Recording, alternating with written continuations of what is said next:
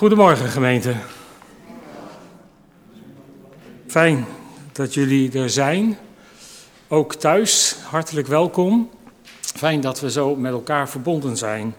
Speciaal welkom uh, aan Tineke en Annelies, die ook hier uh, ook wat gaan vertellen in deze dienst. Maar ook, uh, we hebben ook ons ZWO-team uit Doesburg, Corrie en Gudrun.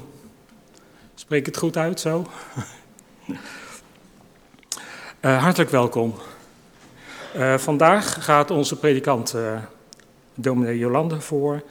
En organist, zie ik, is Ben Harmsen. Het is altijd spannend of hij daar zit of daar, maar geweldig. aansluitend aan de dienst gaan we koffie drinken. We mogen zelf aan de bar mogen we koffie pakken, tenminste ook inschenken. Dus we zetten het er allemaal neer. En dan kun je in de tafel uh, plaatsnemen waar nu de kinderkerk is. En ook de tienerdienst is vanmorgen hiernaast nou, ook een dienst aan het houden. Dus daar ook zijn wij mee verbonden. we gaan dus naar een gesprek met Tineke en Annelies. En we kunnen met elkaar praten over de, de, nou, het arbeid en de, over de meisjes in Ghana. Daar horen we straks meer over.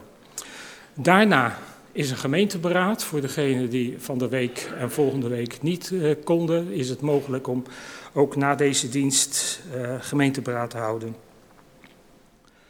Dat waren de mededelingen en ik vraag u een moment stilte voor de ontmoeting met God.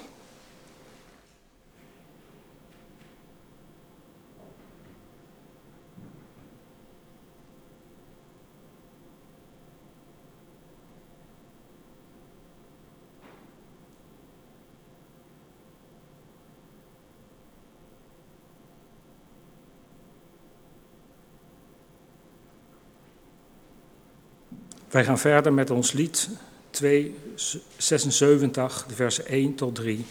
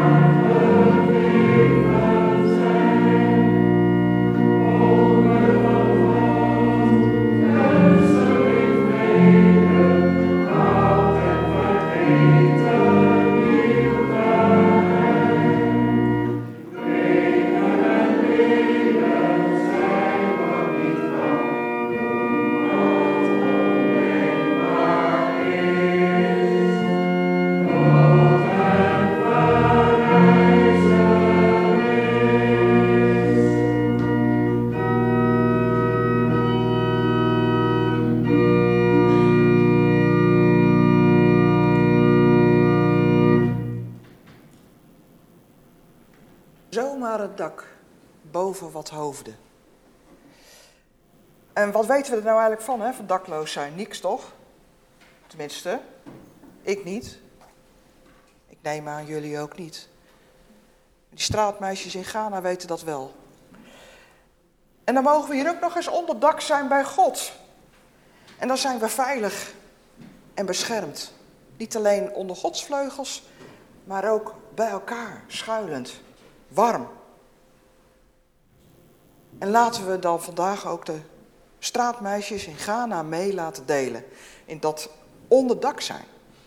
Een beetje helpen hen thuis te komen. Want dat kunnen we vandaag. Een klein stukje, maar we kunnen daar wel wat mee. We kunnen daar wat aan doen. En misschien de komende tijd ook weer eens denken aan de vluchtelingen op Lesbos die winterjassen nodig hebben. Heb je een winterjas over? Breng ze. Vrede voor u en jou dichtbij en ver weg. Van God onze Vader, door zijn Zoon, Jezus Christus, verbonden in Gods Heilige Geest. Amen. Wij gaan met elkaar bidden om ontferming en dan nodig ik Mieke en Erna vooruit die met ons zullen bidden.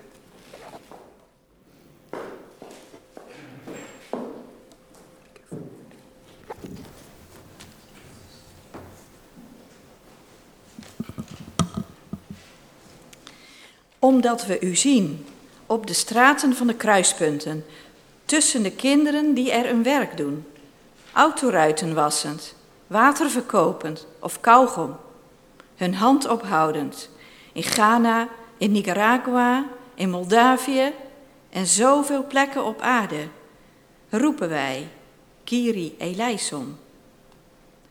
Omdat we u zien bij hen die een stukje grond zoeken om te leven, een dak om zich te beschermen tegen hitte of kou, werk om hun dagelijks brood te kunnen kopen.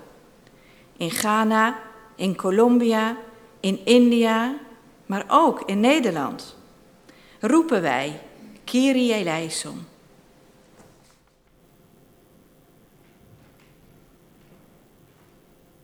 Omdat we u zien tussen de vrouwen op weg naar hun werk of naar de waterput. De kinderen op de rug en zware lasten torstend. Beschadigd in hun seksuele integriteit. Onteerd, verkracht, rechteloos, klein gehouden, als handelswaar verkocht. In Ghana, in Guatemala, in Bangladesh roepen wij Kyrie eleison. Omdat we u zien, te midden van de haat en het geweld, te midden van onderdrukking en zinloze vernietiging, te midden van politieke monddoodgemaakten, sociaal uitgesloten vanwege godsdienst, huidskleur of geaardheid. In Latijns-Amerika, in Europa, in Afrika, in Noord-Amerika, in Australië, in Azië. Roepen wij, Kyrie eleison. We luisteren uh, nu naar een Ghanese danklied, Thank You God. En daarna zingen we lied 551 uit Hemelhoog, Dank u wel voor de sterren en de maan.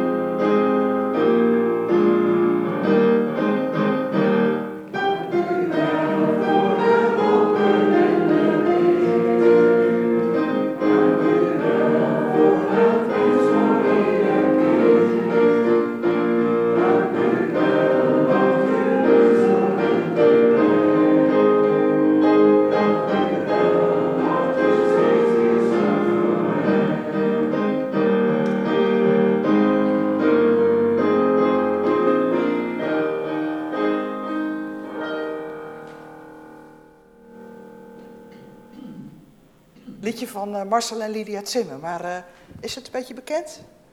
We hebben het wel eens eerder gezongen met een clip erbij, maar nu was het even cold turkey met alleen maar de nootjes en Ben.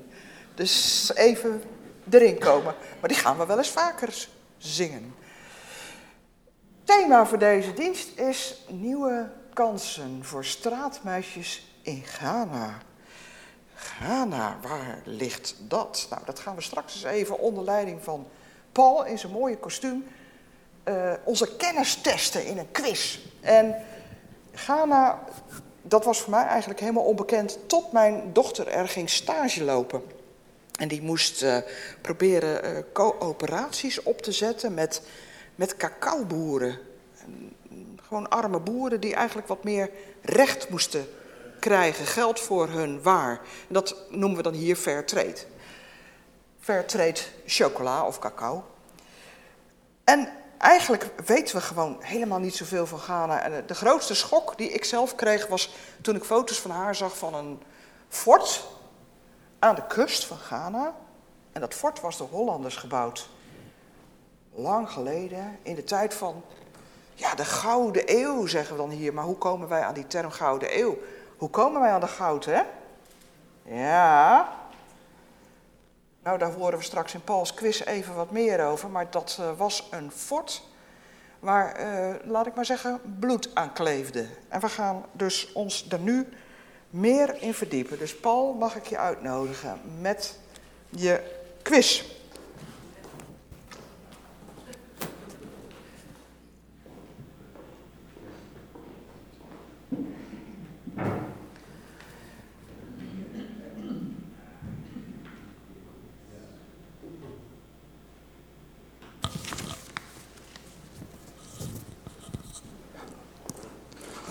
Nou, ik ben benieuwd of dit handig is.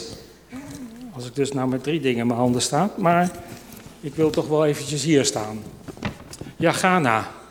Uh, vanmorgen zei ik tegen mijn vrouw van, uh, we gaan naar de kerk. Want dat was even zo van, in deze kleren denk ik ook van, uh, ja, we gebruiken het woord gaan naar op een andere manier. Maar Ghana, dat is, moet ik even kijken, een land, waar ligt Ghana? Heb je enig, enig idee waar Ghana ligt? We hebben het al een paar keer over gehad. We zijn er geweest. We hebben alle werelddelen hebben we net in het gebed al genoemd. Maar ligt het in Zuid-Amerika, in Azië of in Afrika? Kan iemand dat zeggen? In? Afrika. Ja? Ja, dat, dat klopt. En, maar tussen welke landen ligt dat? Waar ligt het ergens? Is dat boven? Is dat onder? Tussen welke landen? Ligt dat? Kan iemand een land noemen? Burkina Faso wordt genoemd. Ja? Togo, ja? Nigeria. Bijna. Nigeria ligt uh, een paar honderd kilometer oostelijker. Ivoorkust, ja, Côte d'Ivoire. Dat klopt, ja. Het bijzondere is dat uh, uh, ja, Ghana, die, uh, ik ben hier in, uh, in Kleren. En even van alles in de omgeving, Burkina Faso. Daar hebben we een kleed van gekregen. Van, die heeft Arnie ook toen meegenomen. Hè? Van Chefna heeft hij gekregen, die is daar, ja, uit Burkina Faso. En een paar jaar geleden hebben we hier een predikant ook gehad uit Burkina Faso. Uh, zelf ben ik in Togo geweest, dat ligt dus uh, iets oostelijker.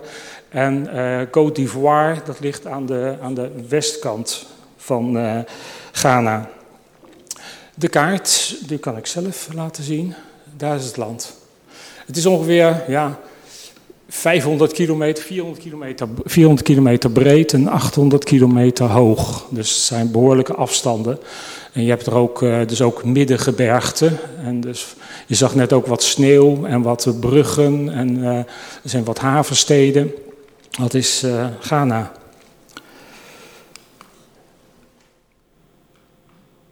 Wat is de hoofdstad van Ghana? Enig idee iemand? Accra, ja, dat klopt ja, Accra.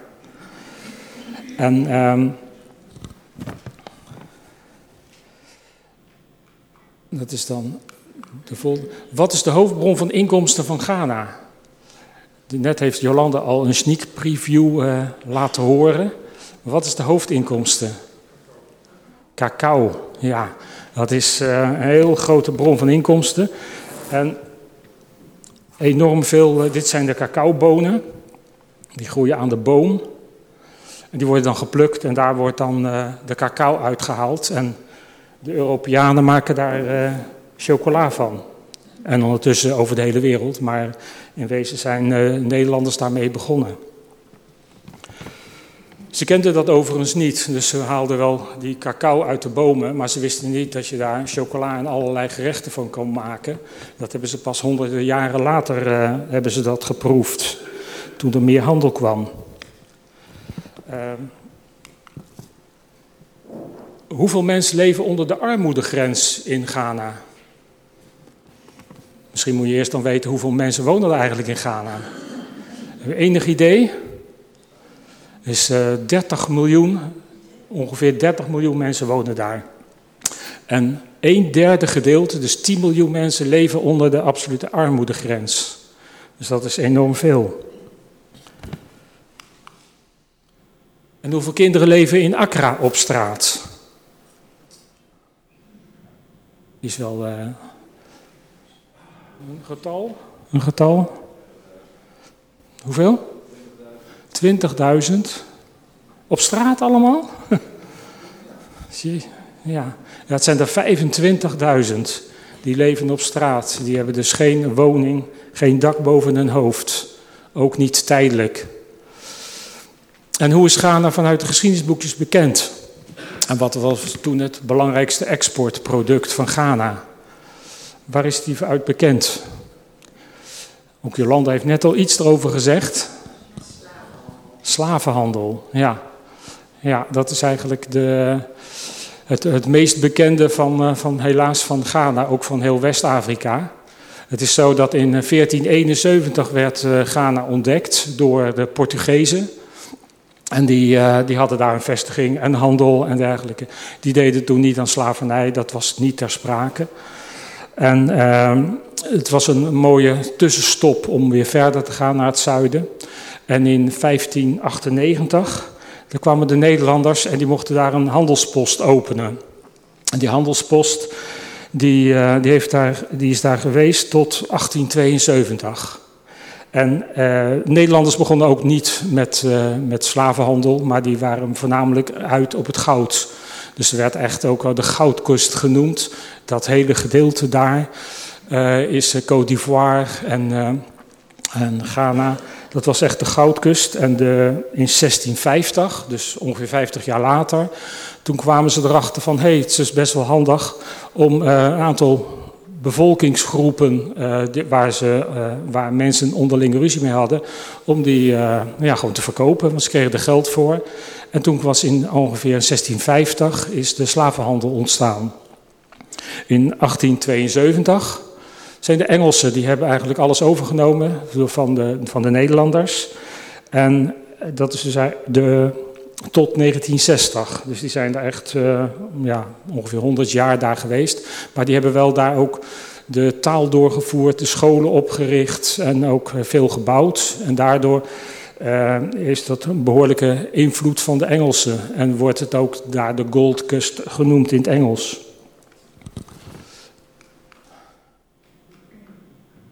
Nou, dat was dan. Ja, wat is de voertaal? Nou, ik, ik, ik verklap het bijna al, of uh, heb ik gewoon gezegd.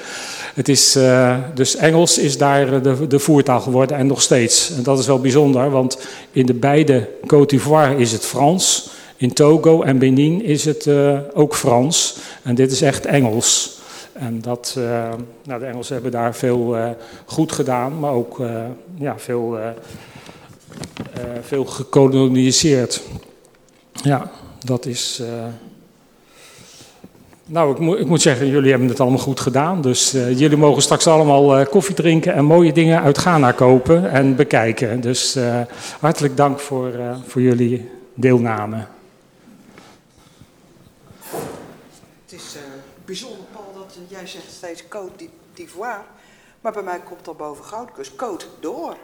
Codor. En laat dat nou chocola zijn. Ja, geweldig. Ja. Dat is ja. ook wel apart, hè? Ja, komt allemaal, eh, komt allemaal weer terug, hè? Ja.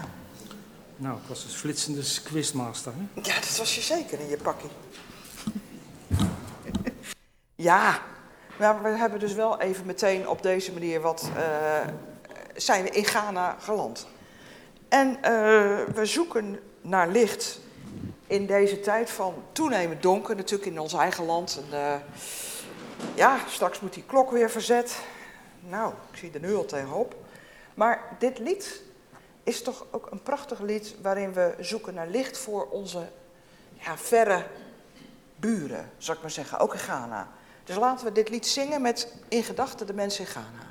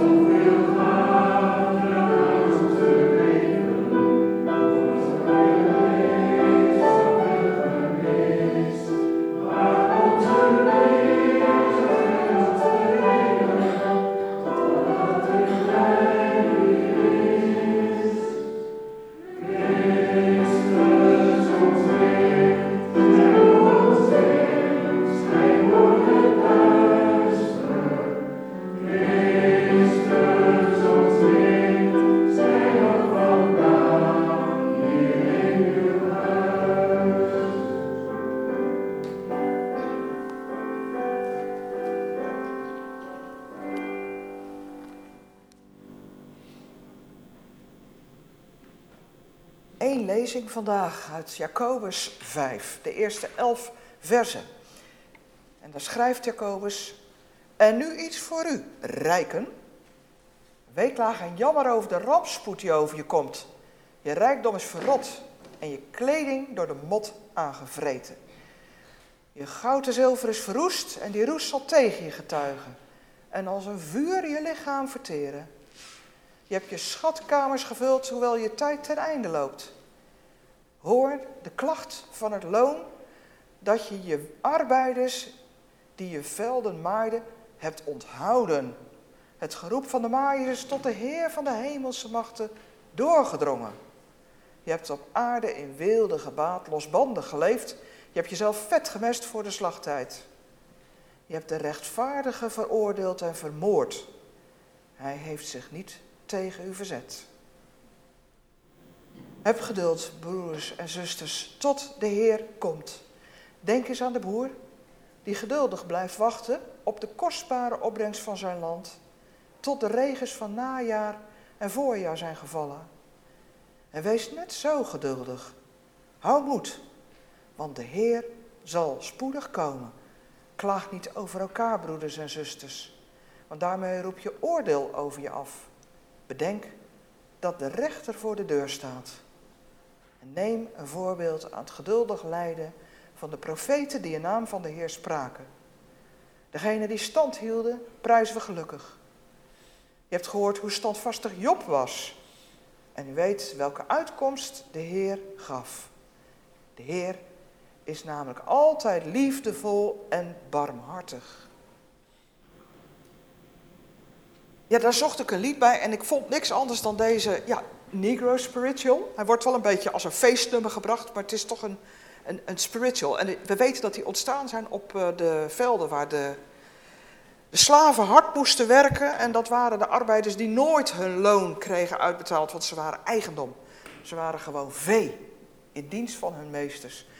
Maar de overgangsvorm is geweest dat er natuurlijk ook seizoensarbeiders werden aangenomen. Dat waren ook vaak vrijgelaten slaven uit oorspronkelijk Ghana in Amerika, Noord- en Zuid-Amerika. Maar die slaven, of die vrijgelaten slaven die als seizoensarbeiders die velden moesten leeghalen, oogsten, werden niet altijd betaald. En dit lied, dat is dus een protestsong tegen het onrecht, waarbij ze zingen, pay me my money down. Betaal me nou eens uit, steek het niet in eigen zak. Kennen allemaal varianten erop vandaag de dag. Hè? Dan zeggen we wel eens, oh, mijn salaris is weer een dag later, uh, of, of een week later pas gestort. Heeft uh, mijn baas zeker weer nog een weekje de rente over willen trekken? Nou, dat is eigenlijk ook zo'n eigentijdse vorm, maar dan op zo'n kleine schaal van slavernij en van seizoensarbeiders die hun loon niet of niet op tijd krijgen uitbetaald of te weinig of wat ook. En zeker in landen waar geweldige geldontwaarding is, zoals Zuid-Amerika en Afrika, is te laat uitbetalen van je loon vreselijk. Dan heb je echt al veel minder dan de dag waarop het je was beloofd. Pay me my money down. I thought I heard the Pay me my money down.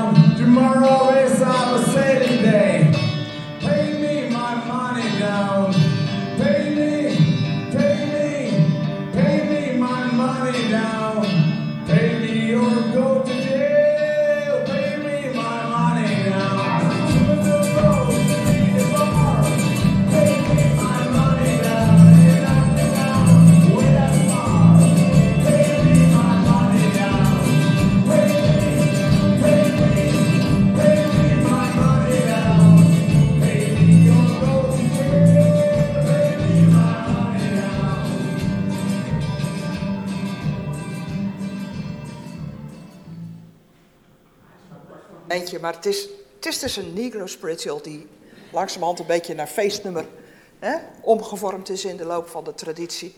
En ja, eh, pay me my money down, of ik zal ervoor zorgen dat je de bak indraait. En nou snappen we natuurlijk waarom de vakbonden zo hard nodig zijn geweest. Daar komen ze uiteindelijk vandaan, opkomen voor de arbeider. Nou, Jacobus, lazen we, die neemt rijke mensen onder vuur. Die pakt dus even één speciale groep aan. Het gaat hem om oneerlijk verkregen rijkdom. Dus door inderdaad geld niet uit te betalen aan wie er eigenlijk recht op had. Loon. Of omdat je het verkeerd besteed hebt, bijvoorbeeld om jezelf vet te mesten, zegt hij. Of om jezelf dus in weelde te laten baden. En gewoon niet te kijken naar je arme buurman die niks heeft. De tuinman die jouw gazon loopt bij te houden. Rijk zijn, ja, dat geeft ook wel eigen last en zorgen. Dus je kan het die rijken ook niet allemaal kwalijk nemen dat ze niet naar buiten kunnen kijken. Hoe moet je het zo goed mogelijk beleggen? En hoe kan je nou tussen al die mensen die bij jou op bezoek komen uitschiften wie er hè, op jouw zak komen teren, wat de gold diggers zijn, de geldkloppers en wie je echte vrienden zijn? Daar heb je toch dagwerk aan. Is rijk zijn iets wat de Bijbel altijd afkeurt, altijd veroordeelt? Nou, in de Bijbel komen ook rijke mensen voor. Abraham, Job. Zijn geduld wordt ons wel hè, tot voorbeeld gegeven, maar hij was ook gigantisch rijk. Salomo. Dus rijk zijn op zich is in de Bijbel niet iets wat veroordeeld wordt, maar het brengt een last mee. En dan denk ik vooral even aan dat verhaal van uh, de jonge man die bij Jezus komt, een rijke erfgenaam. Ja, hij was echt wat we nou zouden noemen loaded. En hij komt bij Jezus, want ergens wordt hij toch wel geïntrigeerd door, door wat deze rabbijn zegt. En dan zegt hij, wat moet ik nou doen om bij God te mogen horen? En dan zegt Jezus, nou, dat is niet zo moeilijk. Verkoop alles wat je hebt, deel dat maar uit aan de armen en volg mij. Volgt dat ene zinnetje. Hij ging verdrietig naar huis, want hij bezat heel veel geld. Hij kon het niet.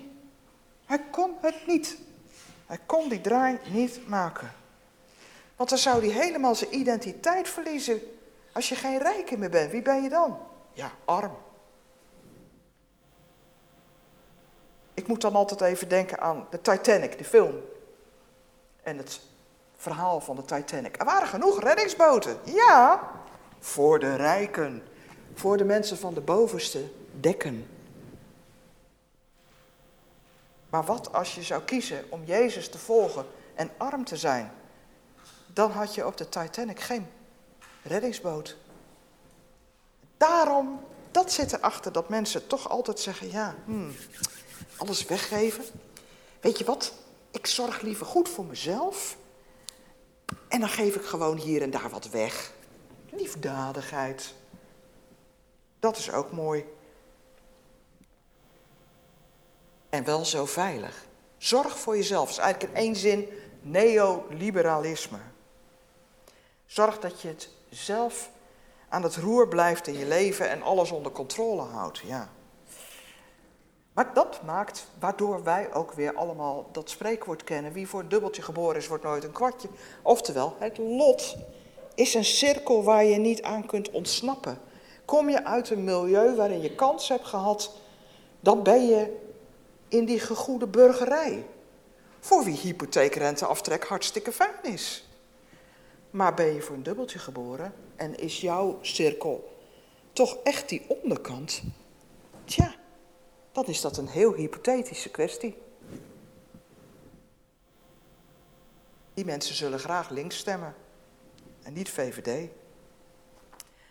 Er zijn er zoveel, ook in ons land, maar zeker in Afrika, die nooit boven die minimumgrens uitkomen. En altijd de eindjes aan elkaar moeten blijven knopen, altijd sappelen.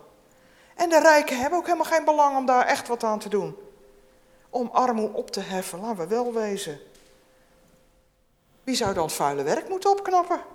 Wie moet er dan zwoegen? En onder drie kabinetten VVD is de kloof tussen arm en rijk lelijk doorgegroeid in Nederland. De mensen die dus aan die andere kant van de kloof zitten, de landarbeiders, de dagloners zeggen we dan in de oude termen, de minimumleiers, zijn de dupe van die verkeerde besteding zoals Jacobus dat schetst. Niet het loon op tijd uitbetalen. Dat is maar één dingetje. Jezelf vetmesten in het wilde baden. En in onze tijd zetten we niet voor niks fair op de producten, want de boeren die de cacaobonen moeten telen, wat zullen die krijgen van het eindproduct? 1%? Zou best kunnen. Veel meer zal het niet zijn. En daarom moeten ze leren samenwerken en in coöperaties optrekken, vakbonden stichten. Om te leren voor zichzelf op te komen. Eenheid maakt macht. Een vuist maken. En dat zijn dus in onze tijd de koffieboeren, de cacaoboeren, noem het allemaal maar op in de derde wereld. De mensen op de theeplantages, de rijstvelden, de meisjes en de vrouwen in de textielfabrieken. 80% van de wereldbevolking levert de goederen voor die 20%. En bij die 20% horen wij. We hebben te veel. En in onze consumptiemaatschappij is het doodnormaal dat we aangemoedigd worden steeds maar weer met reclames om meer te willen hebben tegen dumpprijzen. Het was tot de coronacrisis, ik weet niet of het nog zo is, hè, we hebben er toen ons in verdiept in de ZWO en in de, in de Elsof Passage, in de Fairtrade Herberg, hoe vaak de mode wisselde. Zes keer in het jaar. Wat moet je met al die kleding die overblijft? Doordraaien. Op die grote afvalberg. Het gaat om consumptie aanjagen. Dat is belang. En wie zijn de, de, de dupe? De producenten, de arme mensen die in de textielindustrie werken. De kinderen.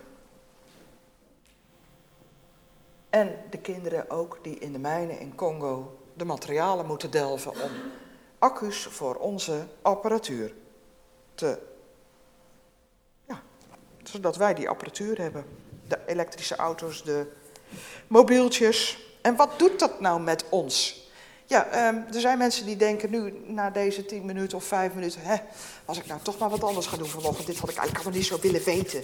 Hè? Het is allemaal niet zo fijn dat je dat weet, want dan kan je niet meer wegkijken. Hè? Dan ben je noodgedwongen even uit het raampje gaan kijken hoe het met de buren is daar in Ghana. Durven wij wel te erkennen dat wij als consumenten mede verantwoordelijk zijn voor de onrecht, voor die ongelijkheid? Want dat is wat de Bijbel bedoelt. Hè? Rijkdom veroordeelt God als het ongelijkheid en onrecht meebrengt. Durven dat te erkennen? Dat het dan dus ook onrecht is? En we weten uit de Bijbel dat God de klacht van de armen hoort en dat hij hen belooft recht te doen. Het grote verhaal is de bevrijding van de slaven uit Egypte. De Israëlieten die daar moesten zwoegen om die piramides en de garnizoensteden voor de farao's te bouwen. De zweep over hun rug en hard werken, vee zijn van de farao. En ze zijn bevrijd door God, omdat God zegt, ik heb jullie klacht gehoord. En God bevrijdde hen niet alleen, maar verpletterde ook de farao en zijn leger. En dat verhaal geeft hoop. Daar hebben ook de negen slaven in die Negro Spirituals zich aan vastgeklampt aan dat bevrijding van Israël uit hun lot. En daarom zegt Jacobus, ga door, hou vol, nog even. En wij laten ons in onze, ja, dit deel van de wereld waar we dus die, met die, met, hè, die 20% van de eerste wereld, die dit 80% eigenlijk opconsumeren. Ja, dan zeggen we, we zitten nu helemaal vast in dit systeem. Het, het, dat verlamt ons. Maar hoe komen we daaruit? Dat kan ik toch niet in mijn eentje? Maar dan moeten we wel bedenken dat Gods woorden in de Bijbel, in Jacobus, die van een vriend zijn. Een schuldgevoel is misschien niet de beste motivatie om bijvoorbeeld vandaag iets te geven. Of om te zeggen, ik ga een andere weg inslaan, ik koop voortaan fair trade. Maar denk, God is een goede vriend. En als hij door Jacobus ons zegt dat het roer om moet, of als Jezus dat advies geeft aan die rijke jonge man, verkoop alles wat je hebt en geef het aan de armen, dan is dat kritiek die opbouwend bedoeld is. Daar kun je namelijk wat mee. Het is niet kritiek die onuitvoerbaar is. Het is niet om je in de grond te stampen. Het is om je tot je recht te laten komen, namelijk dat als je bevoorrecht bent in dit leven, dat is bedoeld om het te delen met anderen. Luister dus naar je goede vriend, naar God. En ook Jezus stelt ons vaker de vraag: geven we nou ons hart aan God of aan de mammon, de geldgod? God wil ons daaruit bevrijden, uit die macht, van die consumptiemaatschappij, dat die ijzeren machinerie van zes keer per jaar van mode moeten wisselen. Daardoor kunnen wij ons actief inzetten om het goede te doen, als we uit die machinerie bevrijd zijn. Dus koop dus die Fairtrade producten en stel de kritische vraag als je kleren koopt, waar is dat gemaakt? is dat wel fairtrade gebeurd? Geef geld aan goede doelen. Ja, adopteer maar zo'n kind in de derde wereld. En laat je niet ontmoedigen dat die problemen te groot lijken voor één persoon. Want ieder apart kunnen we natuurlijk zeggen: ja, hm, wat moet ik nou doen? Wat kan ik? Hè? Zoveel miljoen, miljarden bewoners op deze wereld en ik ben er maar één van. Druppel op de gloeiende plaat. Maar dat is een mooi spreekwoord. Eén mens kan geen pad banen door de woestenij. Maar waar honderden en duizenden mensen diezelfde weg volgen, ontstaat een pad. Dat kunnen we. Doe dus wat er in je vermogen ligt. En God zal je zegenen. Hou vol. Houd moed. Nog even.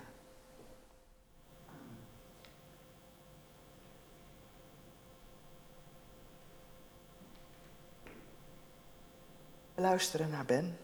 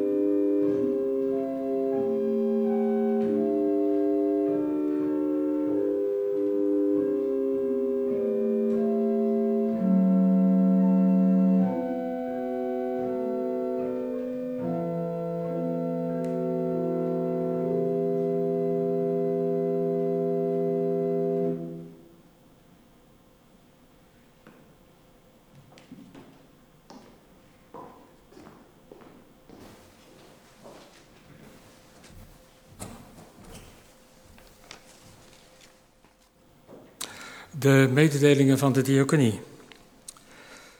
De eerste collecte is voor het Ghana-project. Die wordt straks toegelicht door eh, Tineke en Annelies. De tweede collecte is voor het algemeen kerkenwerk. En u kunt uw gaven geven in de, uh, in de mandjes, in de hal en achter in de kerk ligt de eerste en tweede collecte. U kunt het ook geven via de gift Via de app is dat of via de bankrekening die in de kerkmail staan. De bloemen van vandaag die gaan ter bemoediging naar Aad de Haas in de Hunnesgansallee. Dus dat beetje, beter in camerabeeld. En uh, dus uh, geef met uw hart. Is er iemand die, uh, die de bloemen aan Aad zou willen geven vandaag?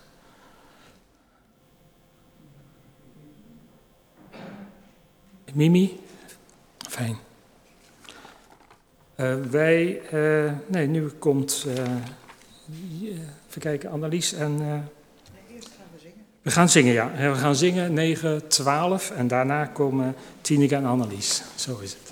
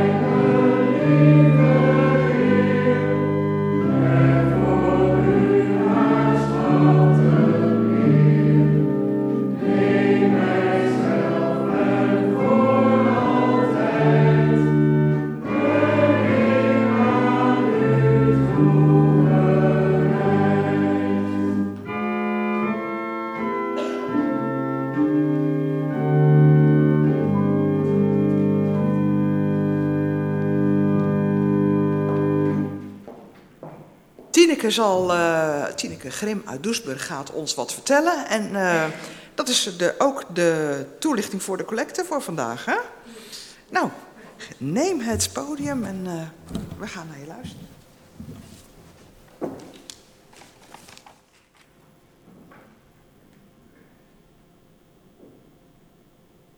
Aquaba. Aquaba is welkom in het Ashanti Twi. Dat is de meest gesproken taal in Ghana na het Engels. Welkom.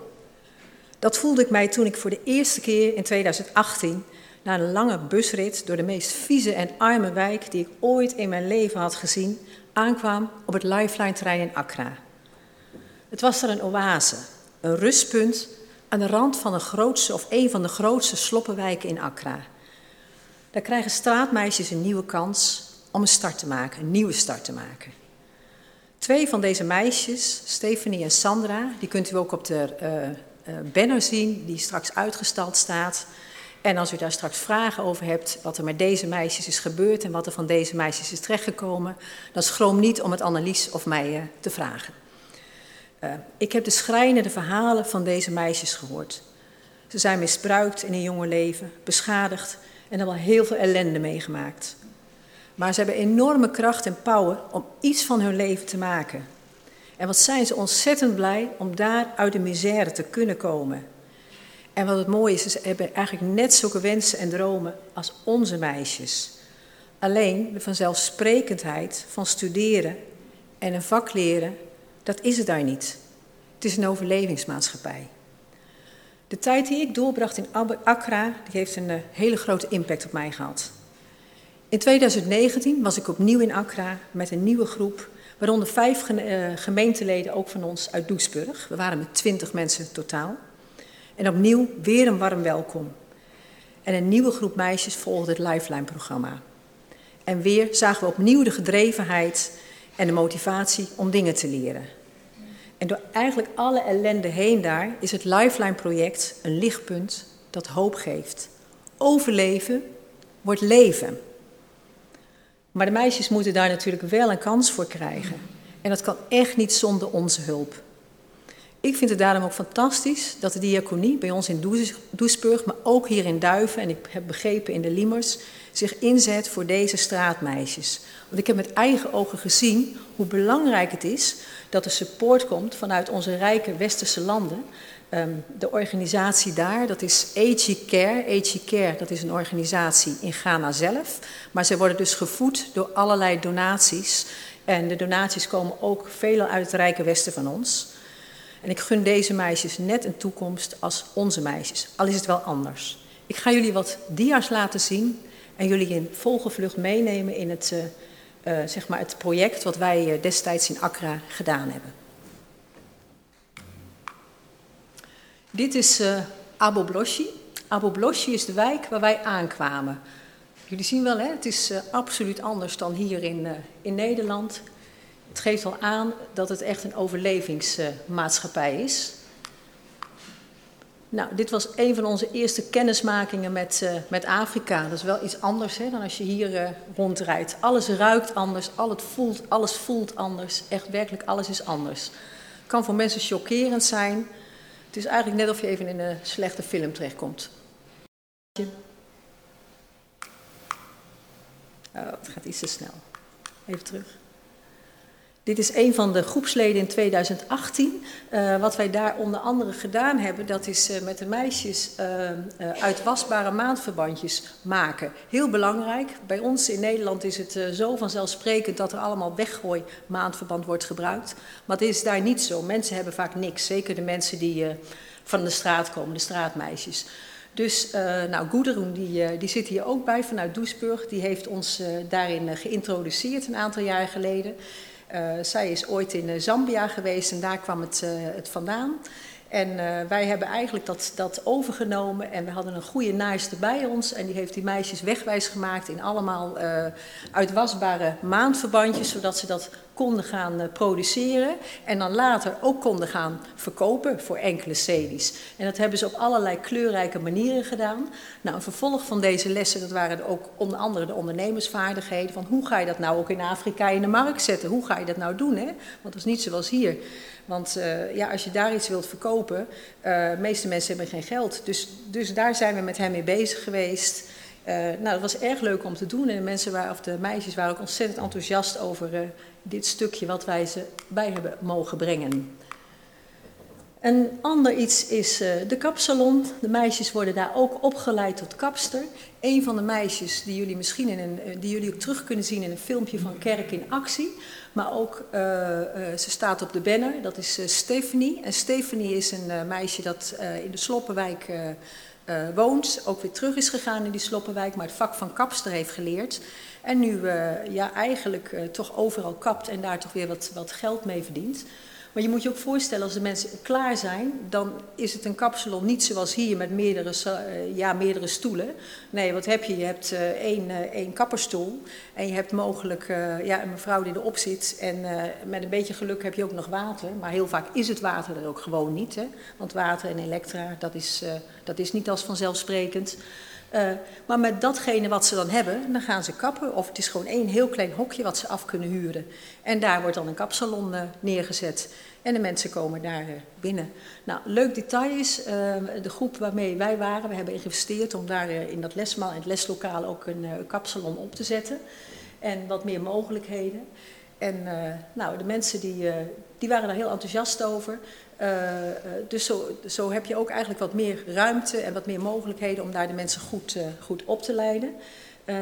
Maar wat ik wilde vertellen is wel op zich wel aardig. Op een gegeven moment zei ze, nou, ze wilden ook wel een televisie daar. Maar we denken, televisie, nou, waarom is dat nou? Je trekt daarmee allerlei klanten. Want op het moment dat daar mensen dan binnenkomen, dan kunnen ze in die wachttijd kunnen ze naar die tv kijken. Dus, maar goed, zo zouden wij, wij denken, nou dat is geen eerste behoefte, maar daar wel op zo'n manier best belangrijk. Dat is de oefenruimte voor de kapsalon. De meisjes die daar uh, het kappersvak uh, uh, uitoefenden. Nou, Annelies heeft daar dus ook wat pedicure lessen gegeven, dat ze wat breder aan de slag kunnen. ik ben zelf op het marktje geweest waar de pedicure, nou ja, pedicure in ieder geval de nageltjes werden gedaan, maar dat gebeurde allemaal tussen de verkoop door. Dus dat is ook wel bijzonder. Nou, even kijken. Ja. Dit is de sieradenmaakster. Ook sieraden worden er gemaakt. Dus meisjes, gaan, meisjes doen dat ook. Dit zijn nog van die allerlei spulletjes die gemaakt worden. Jullie kunnen straks op de tafel kijken. Daar ligt en daar, ja, daar staat van alles. Daar ligt van alles wat de meisjes gemaakt hebben. Uh, maar wat ook belangrijk is, de meisjes die leren niet alleen uh, kleding maken en uh, worden opgeleid tot kapster of tot sieradenmaakster. Ze leren ook algemene dagelijkse dingen. Dus hoe ga ik een maaltijd koken? Hoe leer ik wassen? ja, hoe ga ik om met mijn medemensen? Eigenlijk algemene vaardigheden die bij ons zo vanzelfsprekend zijn, dat is daar niet. De meisjes hebben vaak op de straat geleefd. Niet iedereen kan ook lezen en schrijven. Er zijn erbij die het wel kunnen, maar er zijn er ook bij die het niet kunnen. En niet iedereen spreekt Engels, ook al is het de voertaal. Er zijn ook meisjes die spreken alleen uh, de, ja, plaatselijke talen. Je hebt meerdere talen daar. Hè? Nou, dit is een, uh, een, uh, een, een, zeg maar workshop die wij gaven. Jullie zien het al. Wij hebben op een gegeven moment met de meisjes allemaal voetstappen gemaakt om toch een toekomstplan uit te zetten. Als wij nu straks allemaal weg zijn en je bent klaar met jouw training na dit jaar, hoe ga je dan hier in Ghana de maatschappij in. En wat wil je worden? Wat zijn je toekomstdromen? Nou, we hebben allemaal voetstapjes met deze meisjes kunnen maken. En daar hebben we uitgewerkt. Daar mochten ze dan wat in opschrijven. En je ziet hierin dat mensen ook hun dromen hebben. De een wil leraar worden, de ander wil een goede naaister worden. Uh, de, belangrijk is, ze willen allemaal hun best doen. Dat viel ons zo op in deze groep. Mensen gaan echt met hart en ziel ervoor. Waar het bij ons dan vaak is van, eh, ja, nog wat pubers, we hebben geen zin, we hebben daar voelen we niet zoveel voor. Dan zie je daar echt de gedrevenheid van die meiden van, we gaan er wat van maken. Uh, we krijgen een kans en die kans die nemen we ook. Uh, nou, dat hebben we met ze uitgewerkt. Daar hebben we ook een soort klein boekje van gemaakt. Dat mochten ze dan ook meenemen. Dus dan hebben ze eigenlijk altijd een, een herinnering. Dit is een uh, voorbeeldje van de uitwasbare maandverbanden, zoals ze die aan de man en vrouw wilden brengen. Dus uh, hebben ze hele kleurrijke tekeningen van gemaakt. En uh, ja, reclamefolders eigenlijk, hè, voor Ghana. Die kunnen ze dan ophangen. Nou, dit is ook even aardig om te laten zien. Behalve de workshops hebben we in die tijd dat we daar ook de meisjes bemoedigd en hebben leuke dingen met ze gedaan. En dit is een, was een heel belangrijk onderdeel dat ik zowel in 2018 als in 2019 uh, terugzag. Uh, we hebben kisten gesponsord en die kisten, daar kunnen ze hun persoonlijke bezittingen in doen. Wij hebben natuurlijk kasten vol met van alles en uh, dat is daar niet. Die meisjes die hebben vaak, die komen daar en die hebben hun plastic tasje, soms niet eens, de kleren die ze aan hebben en dat is het. En een heel minimum aan, aan bezittingen. Nou, de bezittingen die ze dan hebben en die ze verzamelen en ze in het Lifeline project zijn straks de spulletjes die ze meekrijgen, die kunnen ze in die kisten gaan doen. Nou, dan krijgen ze die zo aangeleverd, maar wat hebben wij daarmee gedaan? Daar hebben we ook weer een projectje van gemaakt. En hadden wij in Nederland allemaal leuke plaatjes verzameld. Nou, niet gelijk van allemaal de prachtigste huizen, maar wel plaatjes verzameld van mooie bloemen en van, van dieren. Uh, uh, van het Koninklijk Huis, wat ze heel erg leuk vonden. En die plaatjes, en hebben verf meegenomen, die plaatjes die hebben we uit laten knippen. En uh, ja, daar hebben ze hun kisten mee beplakt. En dat was een, een groot succes. nou, je ziet ze daar bezig. Jullie zien uh, het, de koningsfamilie, de, uh, de koninklijke familie, in ieder geval Willem-Alexander staat erop. En uh, ik kan je zeggen, dat was het meest populaire. Wij dachten van Maxima of de prinsesjes. Nee, Willem-Alexander vonden ze allemaal helemaal prachtig. En die werd overal uitgeknipt en opgeplakt. Dus dat was... ja. ja. Vond helemaal prachtig. Even terug. Even eentje. Uh, jullie zien de kisten staan. Jullie zien tevens de slaapkamer van de meisjes. Ze slapen daar op een grote slaapzaal. En uh, nou, er, hangt, er hangt was, de was te drogen, maar ook de kisten die staan ernaast. En ja, het was eigenlijk een, een ja, groot succes. En die mensen, meisjes waren ontzettend blij mee. Dus uh, kunnen ze meenemen. Nou. -hmm. Kijk, dit is uh, een, uh, een, groep meisjes, want we hebben ook nog een bustochtje met ze gemaakt. Wil ik jullie ook laten zien dat het niet alleen maar ellende is, maar dat we in die week dus ook leuke dingen met ze hebben gedaan. Er zitten meisjes bij, die hebben nog nooit de zee, of die hadden nog nooit de zee gezien. Nou, wat hebben wij gedaan? We zijn met een uh, bus, we hadden daar een, de organisatie waarmee wij gingen, met World Service, hadden een bus afgehuurd. En we zijn met de meisjes samen zijn we een dagje naar het strand gegaan. Nou, dat was een kokkin die kookte voor ons. Het was helemaal geweldig. En de meisjes die hadden zo verschrikkelijk veel plezier. En ja, uh, daar geniet je dan zelf ook van om ze dat te kunnen laten zien. Dus uh, ook tijd voor plezier. Jullie zien het, hè? Dus, ja. Nou, en wat jullie hier zien, dat is even een uitstapje naar wat anders. Dat zijn kinderen van het schooltje. Want op dat hele Lifeline-terrein, daar is ook nog een schooltje aan verbonden. De, de, zoals ik al vertelde, het gebouw dat grenst aan uh, de Sloppenwijk. En vanuit die Sloppenwijk, daar komen iedere uh, ochtend en, heel wat kindertjes. In de periode dat wij er waren, zo'n 200 zo'n beetje per dag. Allemaal kleine kinderen. Die komen allemaal naar binnen en die gaan allemaal die klas in. En dat is een soort preschool. We hebben ook op die school les gegeven. Hebben een, uh, ja, een bijbelverhaal verteld uh, van de goede herder. Uh, schaapjes laten maken. jullie kunnen straks foto's kijken als je dat wil. Dus ontzettend leuk. Maar dat grenst dus aan het lifeline, of is op het lifeline terrein. En daar kunnen de moeders dus hun kinderen brengen. Die moeders die overdag moeten husselen en hun, hun brood moeten verdienen. En dan, uh, ja, als het goed is, worden ze aan het eind van de dag worden ze weer opgehaald. Maar het kan ook wel zijn dat er een kindje wat uh, rond blijft zwerven. En ja, het was ook wel heel bijzonder, want veel van die kinderen die hadden weinig blanke mensen gezien. Dus dan kwamen ze bij je en dan deden ze maar, was het toch even over je arm aaien. En kijken van, nou, dit, dat vonden ze vreemd. Dus waren eerst bang, gewoon heel bang voor ons. Ja. Dit zijn die kindjes en jullie zien ze allemaal met een schaapje op het hoofd. Dat was dus inderdaad het, het verloren schaapje. Uh, nou, een schaapje, een liedje bij gemaakt en uh, met die kinderen gedaan. Volle klasse. En tot slot uh, hebben wij nog een fotocompilatie gemaakt van al die meisjes. de meisjes ja, zijn enorm krachtig en wij wilden ook eigenlijk afsluiten met iets positiefs. En die meiden, die, een van de projectleden is ook later terug geweest, in 2018 nog. Dit zijn de meisjes van 2018. En ja, hebben wat foto's daar afgeleverd. Dus op zich ja, prachtig om dit te zien. Het zijn allemaal hele mooie en, en sprankelende meiden. Net als bij ons, dezelfde dromen, dezelfde wensen, alleen veel minder mogelijkheden. Uh, nou, u begrijpt, ik uh, beveel de collecte hiervoor van harte aan. En als jullie meer willen weten, uh, gewoon vragen.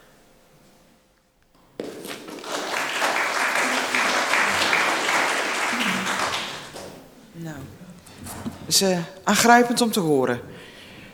Wij komen bij uh, ons, uh, de gebeden en het einde van onze dienst, ons samen zijn hier. We gaan God vragen natuurlijk voor Ghana te zorgen, projecten zegenen. Zullen we danken en bidden. Goede God, wij mogen u zo noemen, ook al is deze wereld naast goed ook zo ontzettend fout. Heer, er loopt zo'n scheur, zo'n breuk door alles heen, ook door ons. En we vragen u, wilt u de breuken helen en de ongelijkheid goed maken? Wil ons inzetten en door uw geest heen ons inspireren om bij te dragen, om voor Ghana iets te betekenen. Wil Ghana zegenen en na alle eeuwen van uitbuiting de kanslozen optillen, zodat ze een leven kunnen opbouwen en kansen krijgen. Heer, we bidden u ook voor ieder onder ons die een ander nodig heeft en niet zo makkelijk vindt om de armen uit te strekken en hulp te zeggen. Maar mogen wij ook elkaar de beschutting bieden die we in de collecte de straatmeisjes in Ghana bieden. Misschien ontbreekt het ons niet zo snel aan het materiële, maar wel aan alles wat onze ziel betreft. Help ons om voor elkaar te zorgen. Wil voor onze zieken in de gemeente zorgen en erbij zijn. En steun en kracht geven en de warmte van uw liefde. Heer, zo leggen we dit alles voor u neer en bidden wij samen het gebed dat uw zoon ons geleerd heeft. Onze Vader, die in de hemel zijt uw naam worden geheiligd, uw koninkrijk komen, uw wil geschieden, op aarde zoals in de hemel. Geef ons heden ons dagelijks brood en vergeef ons onze schulden, zoals wij onze schuldenaars vergeven. Leid ons niet in verzoeking, maar verlos ons van de boze. Want van u is het koninkrijk en de kracht en de heerlijkheid. Amen. We komen aan een slotlied en dat zingen we, Ben, met Trinity mee. En ja, Trinity is hier niet, jij bent hier wel, maar toch zingen we dit even met Trinity mee. En het is een zegenwens voor ons allemaal om dat dak boven ons hoofd aan elkaar te geven.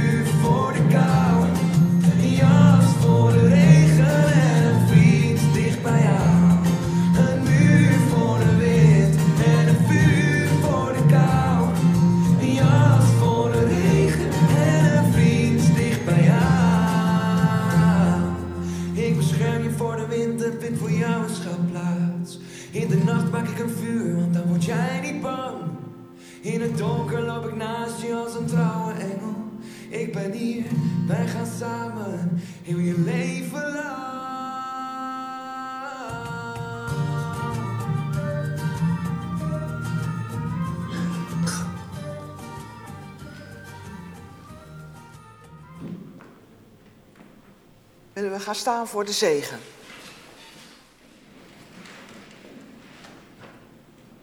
Het ga je goed. Wat je ook op je weg komt, het zij je tot zegen. De vreugde van de ontmoeting, de pijn van de ontbering, de tijd van de verwachting, het genot van de volheid, de kaalheid van het gemis. Hoe kan het allemaal, maar het zij je tot zegen.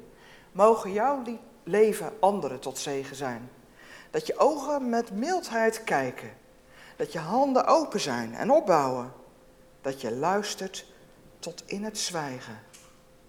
Dat je woorden oprecht zijn en dat je met hoofd en hart bewogen bent om de mens die op jouw weg komt.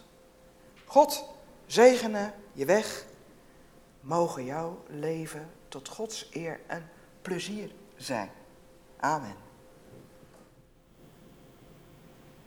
Goeie zondag. We gaan lekker naar de koffie. We gaan nog eens napraten. En tot een goed gemeenteberaad.